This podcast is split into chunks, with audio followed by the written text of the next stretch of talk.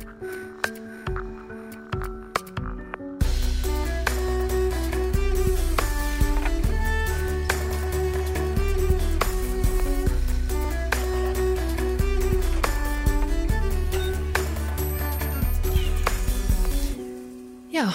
hei, og velkommen til en ny episode av Nerve med meg, Tone Sabro. Og i dag er det som sist eh, litt unntakstilstand med tanke på lyd og sånn. Jeg kan ikke garantere for at det ikke kommer noen forstyrrende lyder i bakgrunnen her når jeg sitter i stua og spiller inn, men sånn er det bare for øyeblikket. Um, jeg håper du har det bra der ute. Jeg har ikke fryktelig mye på, på planen i dag. Eh, og det skjer veldig lite her for tiden. Men én ting som jeg virkelig eh, skal tillate meg selv å, å, klappe meg selv på skulderen for å ha klart i det siste, det er faktisk at jeg har begynt å trene på treningsstudio.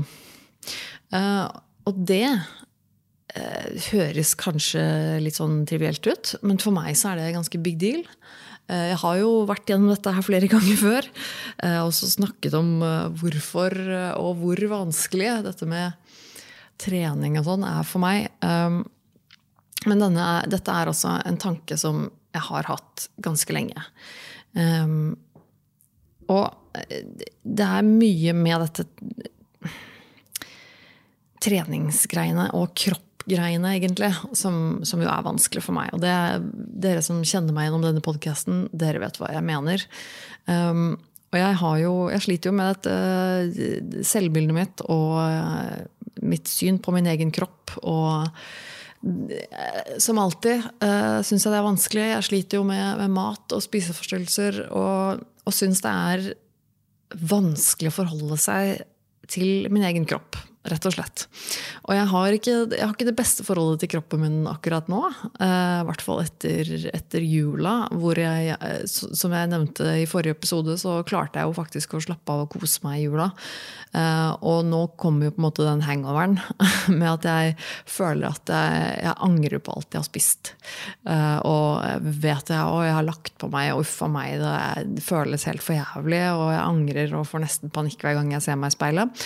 Um, jeg, jeg, prøver så godt jeg kan å ikke ikke, ikke tenke så mye på det. Eh, og ikke se meg så mye i speilet. Ikke, ikke, la meg selv få ha de der tankene som, som dukker opp. Eh, det er kjempevanskelig. Eh, og jeg vet at jeg, og jeg også som på en måte tidligere, og for så vidt litt enda også, har disse problemene med mat og, og vekt og, og, kalorier og sånne ting. Det ligger jo fortsatt uh, i hodet mitt, det. Uh, jeg er jo friskere nå enn, en det jeg var uh, før. som men, Og som jo er bra. Men, jeg, men, det er vanskelig for meg fortsatt. Det, det, det, henger igjen, og det kommer det nok til å gjøre, om ikke alltid, så i hvert fall veldig veldig lenge. Og det, det er jeg forberedt på. Men jeg har veldig lyst til Jeg har veldig lyst til å ha et ålreit forhold til min egen kropp. Jeg har jo veldig lyst til å ha et uh, um, jeg, har, jeg, har, veldig lyst til å ha et litt avslappa forhold til min egen kropp. Og kunne bare føle at, at, kroppen min er helt ok, om ikke annet. Om ikke jeg digger den og syns den er dritfin, så i hvert fall at den liksom føles ok. Og, og det har liksom vært den tanken min nå Eh, dette med å begynne å trene igjen, og, og spesielt etter at jeg flytta til Vennesla og at jeg ble litt kjent i området her, så har jeg tenkt på dette treningsstudioet som ligger ikke så langt unna. Som er ganske nytt, og som virker ganske sånn eh, og, og, ikke altfor travelt, i hvert fall, på, på sånne tidspunkter hvor jeg eh, tenkte å trene. Og så er det alltid så mye altså Én ting er jo angsten og bare det, det sosiale og det der med å liksom skal trene og komme seg dit, og ukjente plasser og alt det der greiene der, som jo er helt forferdelig. Uh, men også er det dette med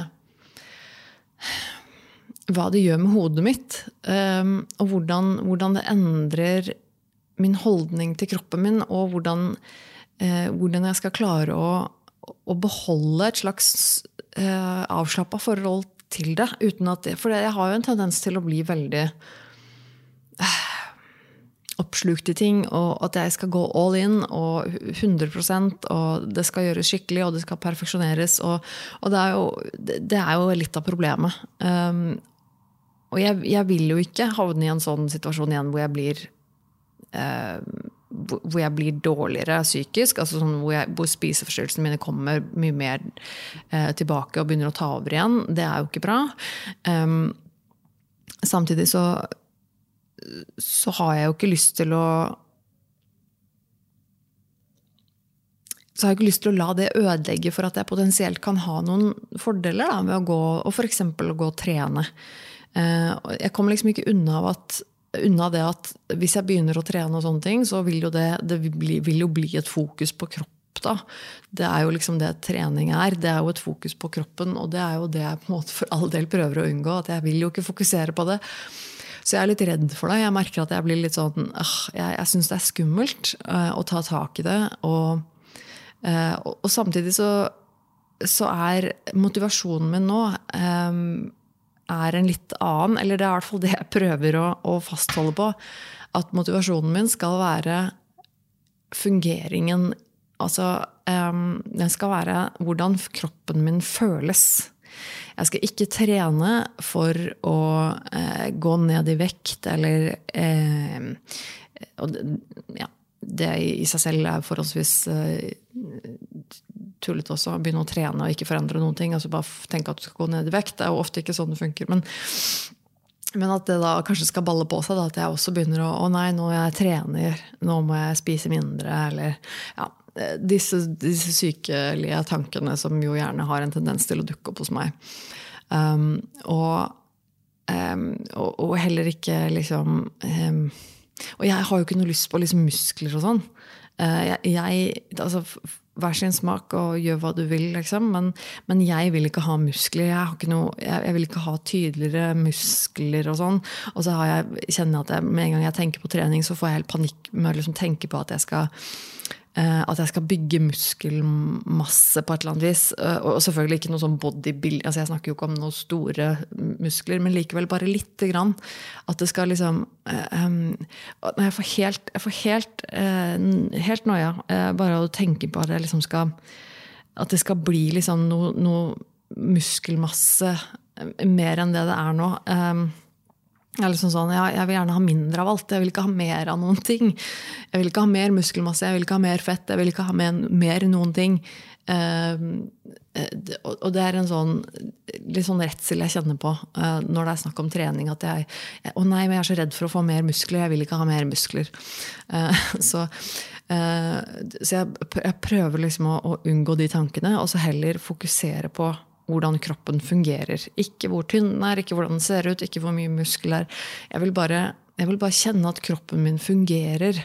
For det gjør den ikke så veldig godt. Jeg, har, jeg er i veldig dårlig form, jeg har veldig dårlig kondis, det er jo en ting. Men, men jeg har mye vondt. Uh, mye vondt i ryggen og nakken og skulderen og sånn. Uh, jeg er ikke spesielt sterk. Jeg, jo, jeg, gikk jo i lang tid og sultet meg og sultet vekk alt som var av muskler og, og alt. Jeg var jo et levende skjelett. Og etter det så har jeg heller ikke trent opp noe muskler, liksom. Jeg har jo bare lagt på meg i form av at jeg har spist mat og, og, og, og eh, altså, naturlig lagt på meg på den måten.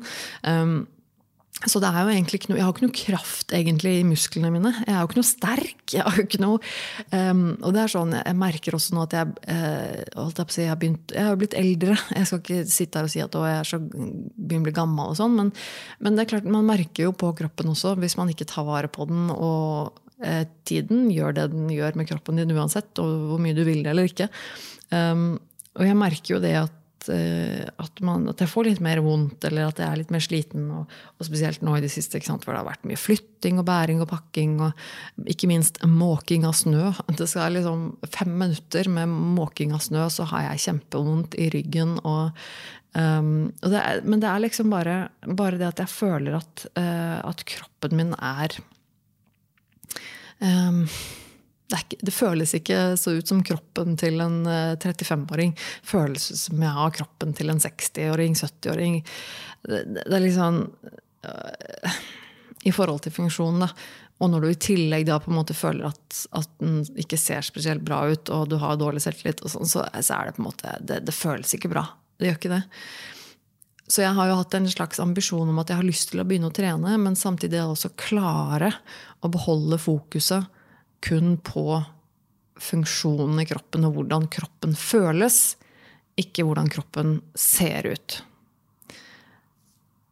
Og det Eh, det er vanskelig.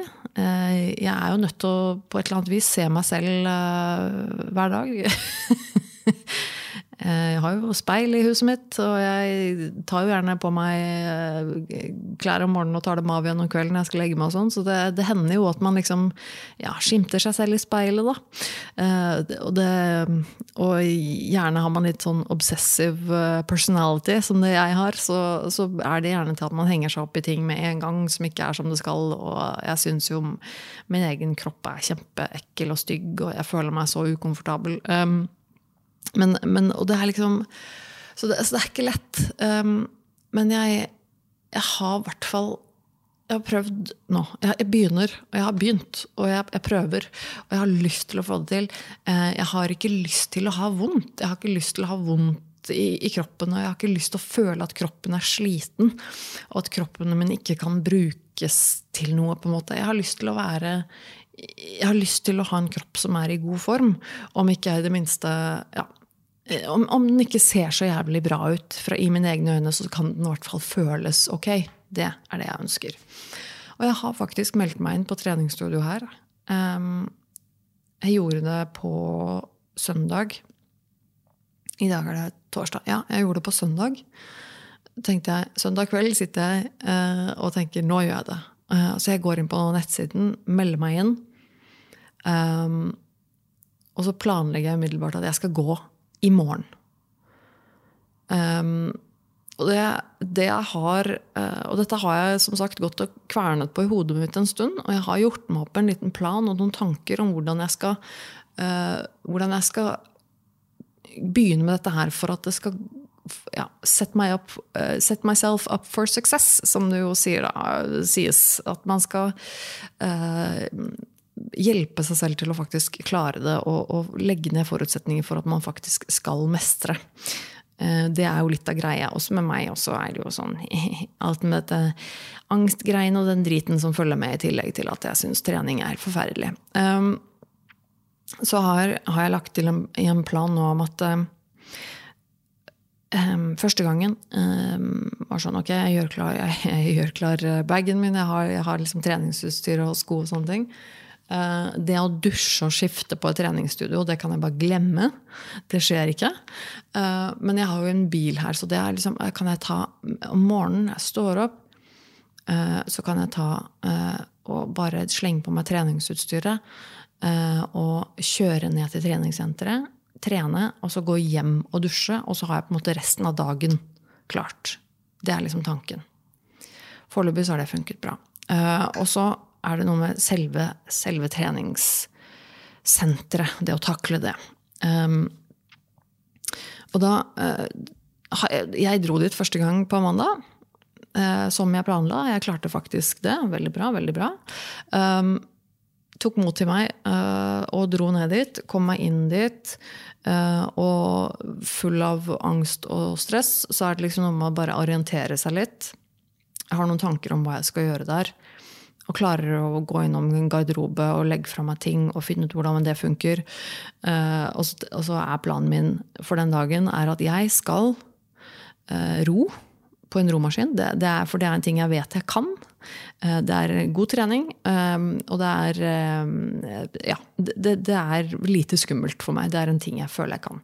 Og, og planen er at det skal jeg gjøre i ti minutter. Og det er alt. Eh, alt annet enn det, hvis jeg orker eller har lyst til å gjøre noe mer enn det, så er det bare en bonus. Men, men målet er å bare gå inn der, finne romaskin og ro på den i ti minutter, og så kan jeg gå hjem. Og så er du ferdig. Lav terskel, lave mål. Bare vet at ok, men dette er mulig for meg å få til. Um, Og jeg kommer inn der og, og, og sånn, og finner fram, og liksom Og jeg å, Det er det verste jeg vet når jeg er på et sånt sted hvor jeg, alt, alt, er ubehagelig og, og, kjipt. Og jeg vet ikke hvor noen ting er, eh, for jeg har ikke vært der før. Og i tillegg så er jeg alene, og det er ingen jeg kjenner som er der som på en måte kan hjelpe, eller som jeg kan liksom snakke litt med for å liksom eh, roe nervene litt, liksom tulle litt. altså Eh, nei, ingenting sånn. Jeg må gjøre alt alene. Og da er det liksom ørepropper i med en gang, så jeg går med, med øreplugger i hele tiden, og mobilen foran meg. Eh, så, jeg, så, har jeg litt sikkerhet i det. Det noe liksom mindre sanseinntrykk ved at jeg har en podkast eller et eller annet på øret som gjør at ørene mine blir litt opptatt. Og så har jeg mobilen i hendene som jeg kan liksom trykke litt på. Som da gjør at jeg, har, uh, at jeg kan trygge meg litt med å trykke på mobilen min. Så jeg klarer på den måten å liksom sakte på en måte da bare orientere meg litt mens jeg går mot der jeg ser at det er løpemaskin og romaskin. Så klarer jeg å komme meg bort dit, og så får jeg helt panikk. nesten, Eller ja, jeg skal ikke si helt panikk. Jeg får litt panikk inni meg fordi jeg ser at romaskinen er helt foran ved vinduet. Og så står det en rad med sånn løpetredemøller bak romaskinene vendt mot rommaskinene. Så alle de som er da på tredemølla, de, de holder jo på og, og de har jo utsikt rett på de som er da på romaskinene rett foran seg. Så jeg får jo helt noe i å tenke bare herregud, jeg kan jo ikke bruke romaskin når det er folk på tredemøllene, og så skal de holde på tredemøllene, og så skal de se på meg mens jeg driver og på den romaskinen. Um, Altså, så jeg kjente at da jeg fikk øye på de der, og, og innså det så, det, så, kjente jeg at det støkk litt i meg. Og tenkte det her, oi, det var jeg ikke helt forberedt på. Um, og det var ikke fryktelig mye folk der, det var det ikke, men det var liksom et par stykker på de tredemøllene. Og det var også en annen person på de romaskinene. Så jeg kjente at åh, ok, um, det, var ikke, det var jeg ikke helt forberedt på. Så jeg må Men jeg kom meg bort til en romaskin og jeg tenkte at ok, jeg kan i minst ikke se dem, så jeg får bare prøve å late som om det ikke er noen bak meg.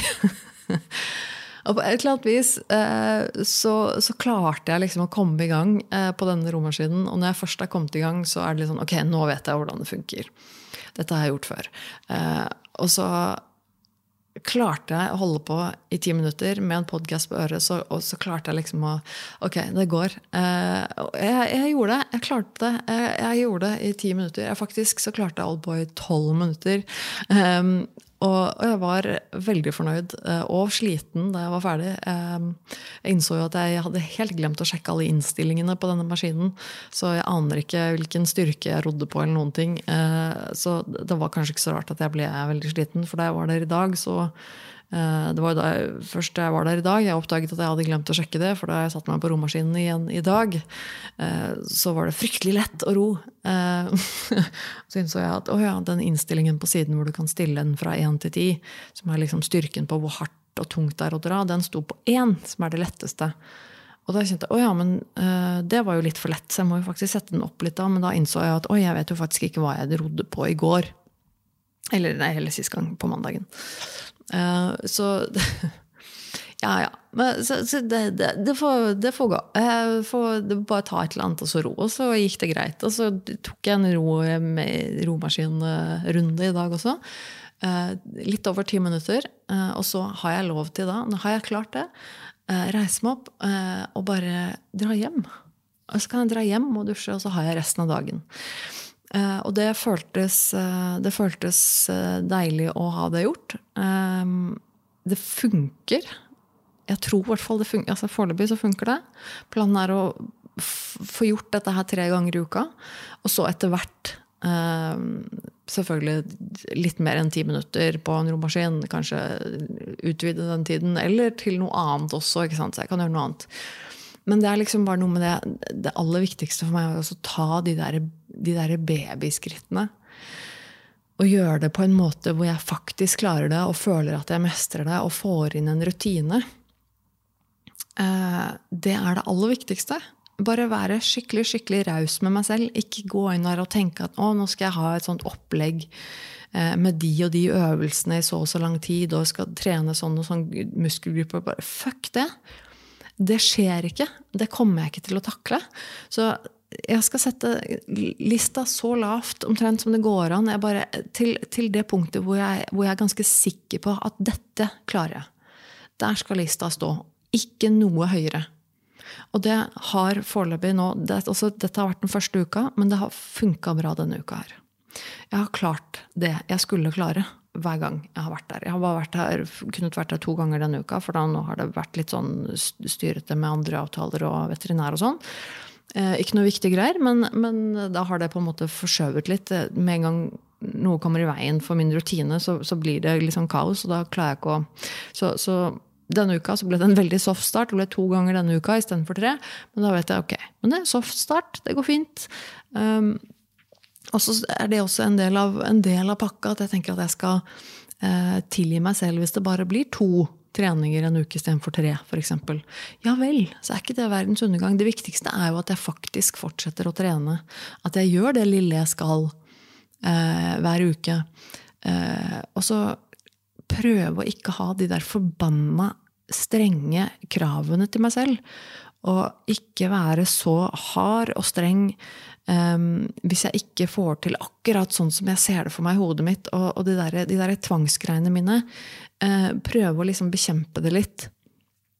Og faktisk um, også være litt, litt raus med meg selv når jeg får det til. Sånn som nå denne uka, hvor jeg faktisk klart å melde meg inn på treningsstudio og vært der et par ganger og klart, og klart det jeg satte som et mål.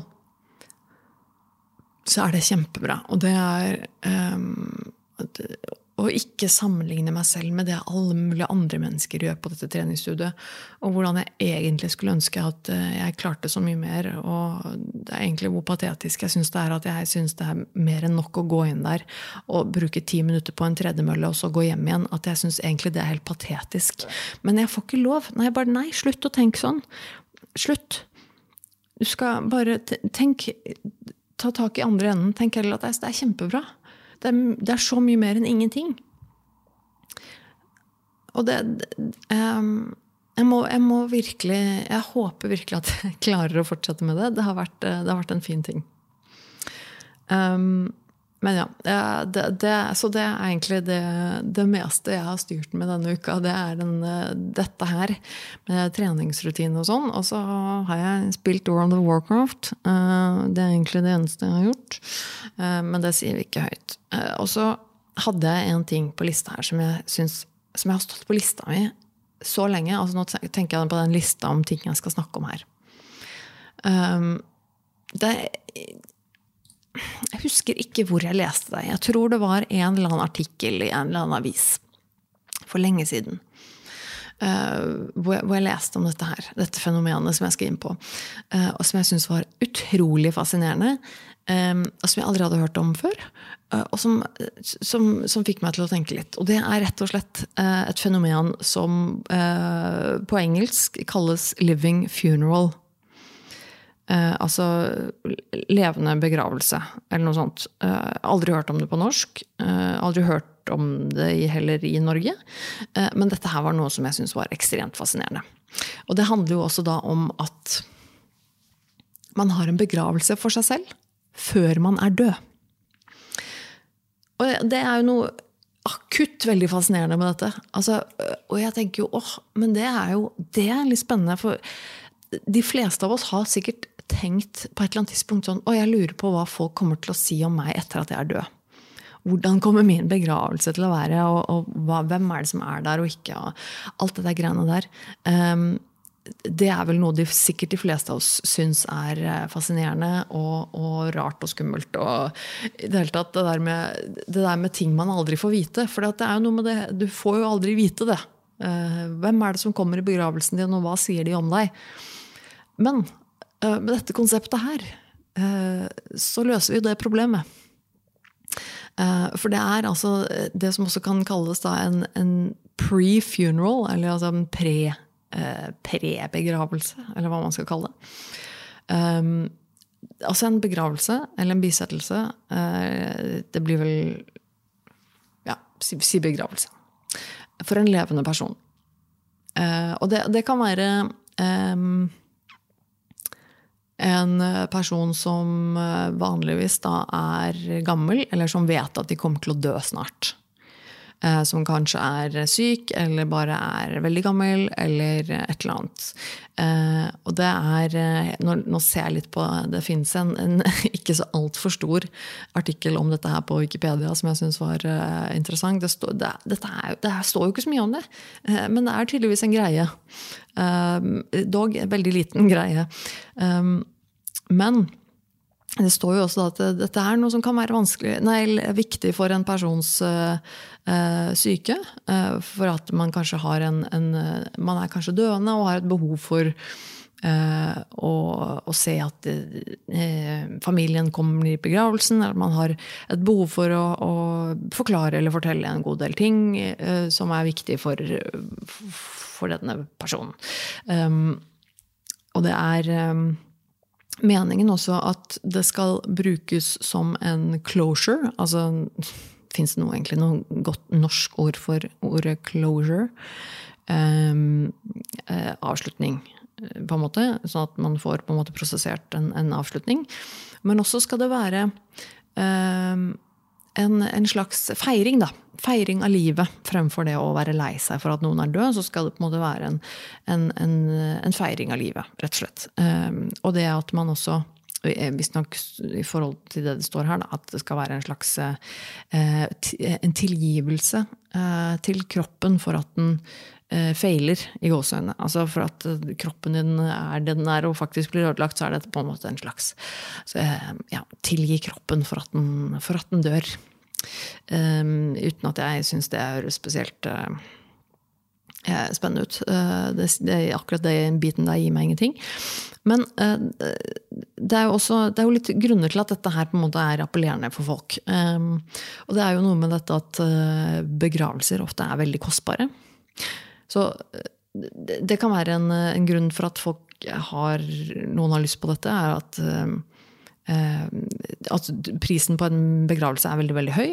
Så man har kanskje spart opp sine egne penger og kan på en måte arrangere denne begravelsen på egen hånd. Eh, og ikke lar den byrden da gå over på familien. Eh, for det er jo sånn at når man dør, så, så er det jo familien og pårørende som sitter igjen, som har den, den byrden, da, på en måte. Kall det det. Og å arrangere en begravelse og, og, og, betale for begravelse og eh, i det hele tatt eh, arrangere det. Eh, og det er jo selvfølgelig mange som på, for, altså på, forhånd setter av penger til sin egen begravelse før de dør, og det er jo sikkert veldig vanlig å gjøre det. Så det er ikke sikkert at man nødvendigvis familien må betale for alt, og sånn, men, men, det men, det er jo, kostbart. Um, og det står eh, også at um,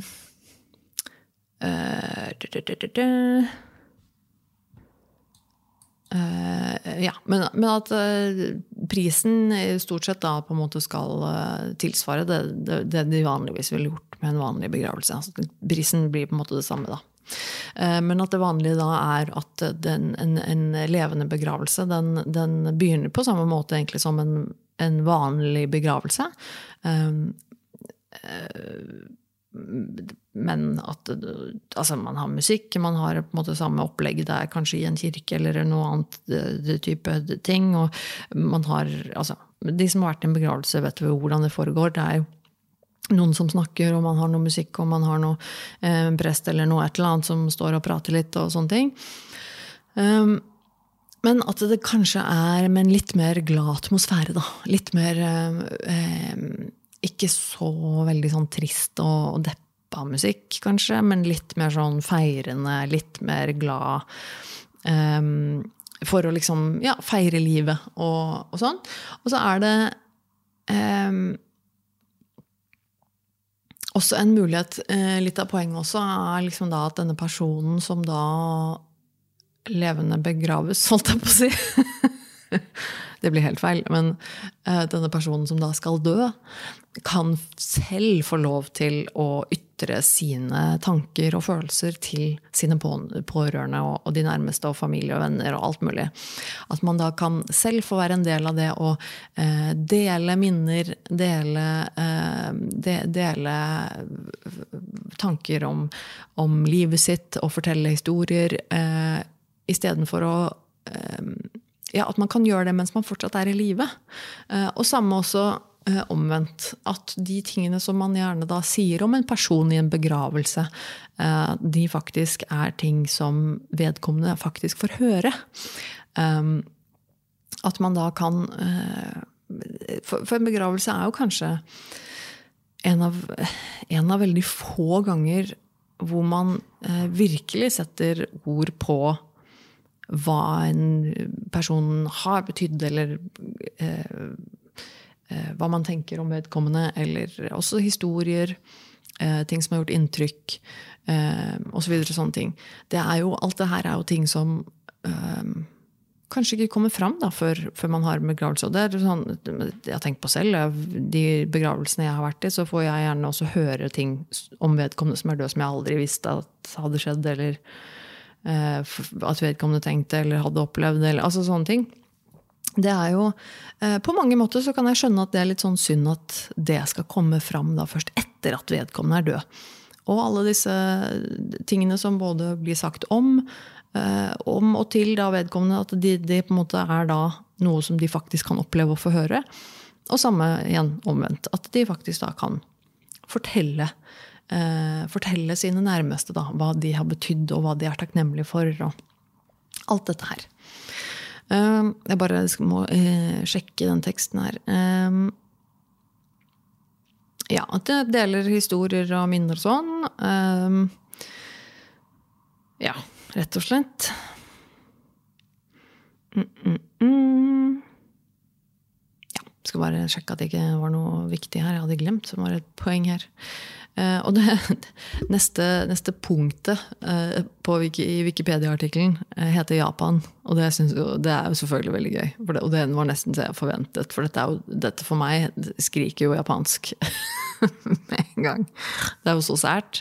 Eh, og så handler det om følelser, som jo også er veldig sånn tabu og veldig sånn vanskelig i Japan. For de viser jo ikke følelser, og de skal jo liksom ikke fortelle hverandre hva de tenker og føler hele tiden. Så, så dette kan jeg på en måte skjønne at, eh, at det kunne vært en, en, japansk greie. Og i Japan så heter det seizenso. Eh, seizenso og det er noe som de startet med i Japan på 90-tallet. Så det er jo egentlig ikke så lenge siden de startet med det her. Da, tydeligvis. Um, og det, det, det står her, er at eh, eldre i, i Japan da, kan ofte føle at de, eh, at de er en byrde på familien sin i, i sin gamle alder. Um, og at de eh, ofte at de, at de er en byrde, men også det at de at de skammer seg litt over sin eldrende kropp. Eh, eller sin, sin uh, failing body, står det her. Ikke sant? Uh, failing body, hva skal man si etter på norsk? Altså sin, Den forvitrende kropp. Da. En kropp som, som er på vei til å, å slutte å fungere. Det er jo veldig japansk, eh, egentlig. Dette med at man er Dette med skam. Det er jo fryktelig mye skam i japansk kultur. Um, og dette med å uh, ha en, en, en, begravelse før de er døde, at de uh, At de da føler at de kan ta vekk litt av stresset fra familien, og at at de selv kan på en måte stå for, stå for det stresset det er å ha en begravelse. Og så står det også at de eh, mange japanere også, etter en sånn seremoni, så forventer de ingenting av familien sin eh, frem til de dør og etter de dør. Eh, som inkluderer da faktisk en begravelse. sånn at når de da har hatt denne levende begravelsen eh, etter at den er ferdig, så er de på en måte ferdig. Eh, da er det på en måte meningen at de skal ha eh, gitt, eh, gitt, og sagt på en måte det de skal gi og si. Og etter det så er det eh, så, så, forventes det ingenting. Eh, og det forventes egentlig heller ikke at de skal ha noen begravelse. Selvfølgelig da etter det. Det er litt av, litt av poenget. Um, og det er jo um, ja, det er jo litt kontroversielt. Det er jo mange som tenker at, at en begravelse er jo, er jo, noe som skal skje etter at vedkommende er død. Det er jo på en måte litt av poenget. At, skal, eh, at man skal hedre den døde. Eh, at det er den eneste måten man på en måte viser respekt for den døde, da, er liksom denne begravelsen. Og at det, um, at det er viktig.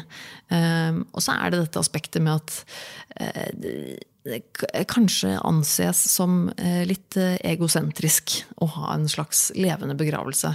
Dette med at du det at du liksom skal da sitte og, og, og høre alt dette eh, For det første så kan det hende at det for veldig mange av oss høres veldig kleint ut. Jeg tenker at jeg syns det høres litt kleint ut. At jeg skal sitte og høre på masse folk liksom fortelle de godeste og tank beste tankene om meg. og sånn, og Det høres jo litt slitsomt og kleint ut. Men, men, men at det egentlig da eh, i bunn og grunn eh, i bunn og grunn er veldig egosentrisk i forhold til at det egentlig kanskje er bare deg som døende det gir noe. Hvis du skjønner hva jeg mener. Altså, eh, fordi at eh, Det er jo egentlig for, for, for, den døde eller døende det er den største forskjellen, kanskje. Eh, og at Hvorfor skal man i det hele tatt gjøre det? Hvorfor skal man ha en, en levende begravelse? Jo, det er jo for at den, den døende skal få høre alle disse ordene. Og det er jo litt egosentrisk, er det ikke det? Eh, og samtidig så Ja, altså samtidig så kanskje, kanskje, ikke det er det. Kanskje det er eh, Kanskje det er hyggelig også for de gjenlevende å kunne gjøre dette mens vedkommende er i live. Jeg kan jo skjønne det også. Eh, at, eh, at, det er sikkert veldig mange som står i en begravelse og tenker sånn åh, disse ordene her. Eh, jeg angrer på at jeg ikke sa det før han eller hun døde. Eh, dette her skulle jeg jo sagt for lenge siden. Uh, og da har du jo plutselig muligheten Nei, vedkommende er ikke død ennå. Men uh, dette Og jeg, jeg, jeg syns jo det er um, jeg syns det er noe fint med det. Det at man kan på en måte da, um, hvis man klarer det, da, altså legge, legge alle liksom de der eh, sperrene vekk med å liksom si alt man føler og tenker, og, uh, og faktisk uh, kunne klare å si det samme som du ville sagt hvis vedkommende var død, til vedkommendes ansikt levende. Ehm, det er jo kanskje en grunn til også at man eh, noen ganger at det kommer ting frem etter at vedkommende er død. Men, men, det høres jo i utgangspunktet synes jeg, det høres så koselig ut. da, altså Ha en sånn eh, en seremoni som er på en måte sånn nå, nå, skal alle samles her til ære for deg og for ditt liv. Og for, for, hva du har betydd for disse menneskene. Og nå kan alle få en sjanse til å liksom virkelig sette pris på deg og ditt liv og det du har, begynt, det du har betydd. Og dele historier. Og, og du også kan da få sjansen til å sørge for at alt du skulle ha sagt, bli sagt. Alle beskjeder, alle ting som skulle vært gjort, sagt. altså Alt. Nå har du sjansen, på en måte. Og nå er alt åpent og ærlig. Alt er up in the air, holdt jeg på å si. Alt er åpent. Uh, og ingenting er usagt. Og det høres jo veldig, det høres jo veldig fint ut. altså ha, Å ha en litt sånn um, closure, da. Uh, rett og slett. Uh, gjøre seg ferdig med livet. Å kunne være med på det. Jeg syns jo egentlig det høres litt sånn fint ut. Uh, og samtidig så tenker jeg at jeg tror det Jeg tror det, uh, jeg tror det på en måte, For meg så ser jeg for meg at det, at det, blir vanskelig å erstatte det med en begravelse. fordi hva gjør du liksom da når vedkommende faktisk dør? Uh, du må jo likevel gjøre noe med denne døde kroppen. på en måte. Den døde kroppen må jo begraves. Det må jo være så, Ja. Um, men jeg syns det, det, er et fascinerende, et fascinerende, konsept. Også fordi at jeg er, jeg er litt sånn opptatt av det med at en begravelse er jo eh, begravelse er jo for de etterlatte. Det er vi jo på en måte enige om. Altså, når du først er død, så er du jo død. Um, og den begravelsen som skjer da etter at vedkommende er død, er jo ikke for den levende det er jo for de etterlatte. Og det er klart at det er jo noe med at de kanskje trenger det. da. Eh, at de trenger å ha den eh, ønsker og trenger å ha den, den siste farvelen. For at det blir en del av den prosesseringen av et dødsfall som kanskje er viktig. Eh, og at det kanskje er litt viktig at det skjer når vedkommende faktisk er død. At da er det Men, men jeg er her nå. Jeg kan liksom Jeg kan, jeg kan skjønne jeg, jeg, kan se, jeg kan se liksom, For meg er det liksom gode argumenter for og imot her. Liksom, på begge sider. Uh, jeg synes er, men jeg syns det er veldig interessant. Uh, for meg er det også veldig japansk.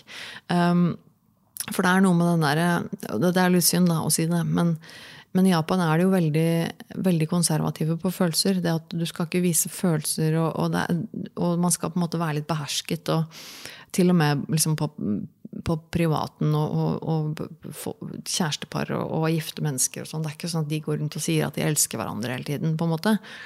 Eh, det er ikke vanlig å, å vise følelser i Japan. Um, og det, det syns jeg jo er litt trist. Det er jo en ting som jeg syns er veldig kjipt med den japanske kulturen. Jeg som er litt sånn Japan-nerd, som egentlig elsker det meste av det som er japansk.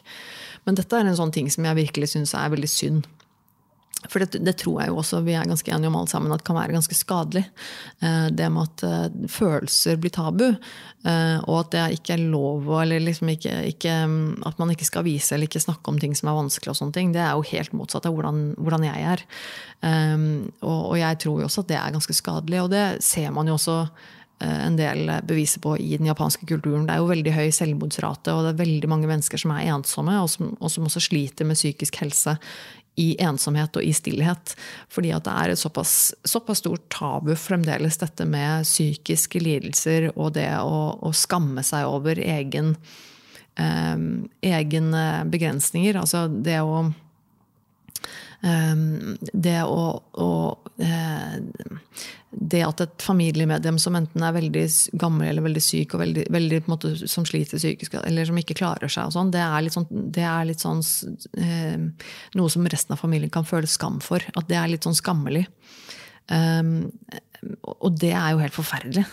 Det er jo litt sånn som i tidligere episoder jeg snakket om her i Norge, hvor vi, hvor vi stuet vekk våre eh, psykiske syke familiemedlemmer på asyl, og så latt som de ikke fantes, fordi at man skammet seg over at man hadde en i familien som var psykisk syk. Eh, og det, sånn, det henger litt igjen i Japan enda, og det er veldig, veldig, veldig trist.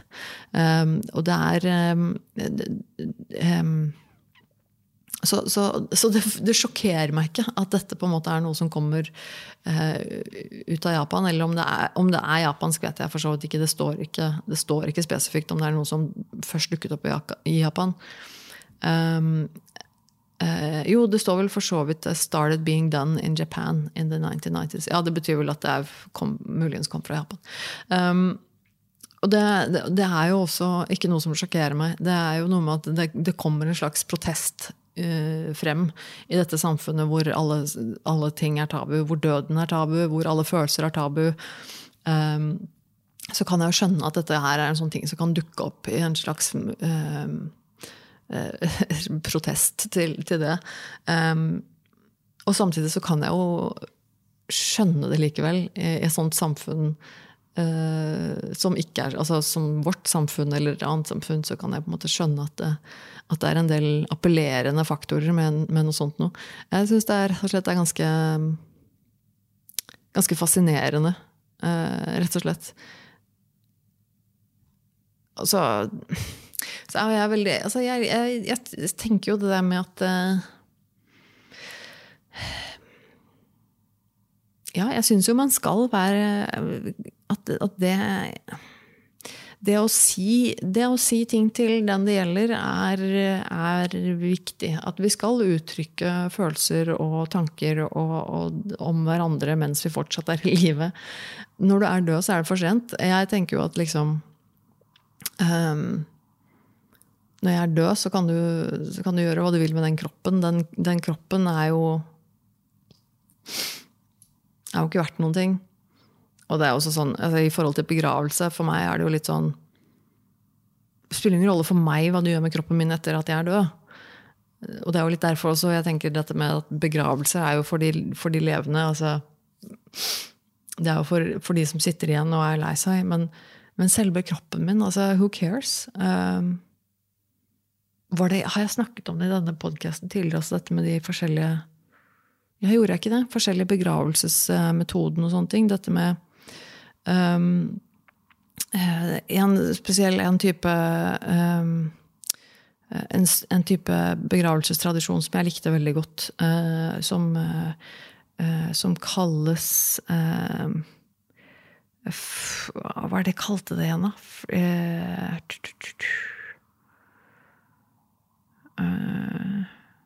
Jeg husker ikke. Søren, jeg husker ikke hva det er. Men, men, det går i hvert fall ut på at de da tar kroppen til en avdøde og legger den ut i naturen, altså i, i skauen på et eller annet platå, eller noe sånt, eh, hvor den da blir spist av, av dyr. Eh, av gjerne rovfugler eller andre og andre dyr. ikke sant? At, at da man, man, mater kroppen tilbake til, til naturen og lar den få være et gode for naturen. Og jeg syns jo det er kjempefint. Hvorfor eh, det, Og det er litt sånn der, det blir jo sett på sikkert i vår kultur som at det er jo kjempebarbarisk og uff, og så skammelige ting og respektløst overfor en død kropp og sånn. Men det, det klarer ikke jeg helt å koble, da, for det er jo ikke noe det er, en, det er, jo bare kjøtt og bein. Altså, vedkommende er jo ikke der lenger. Det er jo det som vi på en måte tenker på som en person, er jo ikke der lenger. Um, så, og jeg tenker jo at er det først en død kropp, så kan man jo gjøre det beste ut av det. Istedenfor å drive og bare legge den i en kiste og putte den på en kirkegård hvor det bare blir samlet opp. Uh, et eller annet sted. Altså, ja, hvorfor ikke? Eh, bruk den til noe fornuftig. Gi den til naturen, hvor eh, dyr kan, kan, få mat. Det er jo kjempesmart. Eh, så kanskje jeg skal donere kroppen min til det når jeg dør. Eh, ikke bare jeg, jo, jeg tenker jo at det å donere kroppen sin til vitenskap er jo en fin ting, men donere kroppen min til dyra det hadde jo vært veldig passende for min del eh, å gjøre det. Eh, kanskje det er det jeg skal gjøre. Bare be, be familien min om å slenge meg ut i skauen når jeg er dau. ja, syns jeg er fint. Kan ha en levende begravelse. Eh, og så, når jeg først eh, faktisk dør, så skal det ikke markeres på noen vis. Bare, da, da, er det en eller annen stakkar som får i, i i oppgave å ta med kroppen min ut til et sted hvor det er masse ville dyr. Bare sleng den ut der. Og så sørger de for at den blir spist. Det høres helt ypperlig ut. Eh, jeg skal begynne å skrive det i testamentet mitt her nå. Nei da. Um, men det, det, det, måtte nesten uh, Dette med 'living funeral' det har, stått, uh, det har stått på lista mi her over temaer lenge. Dette er noe som rett og slett jeg syns er ganske fascinerende. Men ja, Jeg det hadde ikke så mye mer enn det, folkens. Men jeg vil gjerne høre dine synspunkter om dette. Hadde du hørt om Living Funeral før? Eh, dette var ganske nytt for meg altså, da jeg først leste om det for, eh, for, noen måneder siden. Og jeg skrev det ned. Skulle ønske jeg fortsatt hadde den artikkelen, eller hva det var. Jeg mente å huske det var en eller annen norsk artikkel som refererte til den. Men jeg, husker, jeg klarte å slette den, eller den fins ikke her lenger, eh, dessverre. Så jeg får ikke, får ikke referert til den. Men, eh, men det var nå likevel et tema som, eh, som jeg syns var spennende. Um, så mot slutten her så skal jeg også minne om at eh, jeg gjerne tar imot tips om eh, andre temaer som kan være rare eller spennende. Kanskje begge deler å snakke om i denne podkasten. Setter veldig stor pris på hei og tilbakemeldinger og alt mulig sånne ting som kommer fra dere, enten på mail nervemetone at gmail.com, eller rett og slett bare på Facebook eller Instagram. Det heter jeg Nerve med Eller hvis du vil følge meg med en personlig podkast. Nei, personlig podkast, det er personlig profil. Så heter jeg Tone Sabro. Det heter jeg stort sett overalt. Det er veldig lett å finne meg egentlig på internett. Ehm, på godt og vondt. Så, så, men gjør gjerne det. Eh, alltid veldig, veldig, veldig hyggelig å høre fra folk som hører på podkasten min. Ehm, kom gjerne med tips eller spørsmål. Eh, som sagt, det digger jeg å få. Eh, enten det er kort eller langt. Og så, eh, Hvis du vil se dette her i opptak eh, som en YouTube-video, så kan du også gå inn på YouTube og søke på Nerve med Tone. Så finner du YouTube-kanalen min, for jeg livestreamer jo dette her. Hver gang jeg spiller inn dette her som en episode, så sitter jeg rett og slett her eh, med trynet i kamera og prater live på YouTube. Så til deg som vil se det live eller i opptak, er du veldig velkommen til å gå inn på YouTube og abonnere der, eller på min vanlige kanal på YouTube som heter Tone Sabro, der jeg også har litt, eh, en del videoer. Um, all støtte er liksom ting som hjelper. Uh, det er kanskje virkelig sånn teit og masete og folk som driver og oh, please uh, like and subscribe og sånn, men det er liksom bare det du kan gjøre for å hjelpe, og det hjelper faktisk. Uh, så alt som er alle sånne små monner, det drar. så gjør gjerne det hvis du har mulighet. Det setter jeg stor pris på. og så satser jeg på å være tilbake her om en ukes tid. Um, og så håper jeg du i mellomtiden tar vare på deg selv og ta vare på de rundt deg og alt det der. Um, ja. Og så takker jeg for at du hørte på igjen. Ha det bra.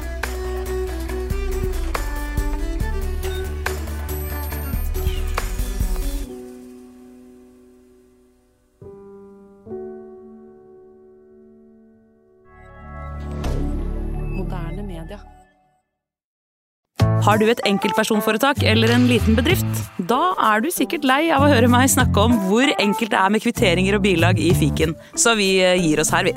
Fordi vi liker enkelt. Fiken superenkelt regnskap.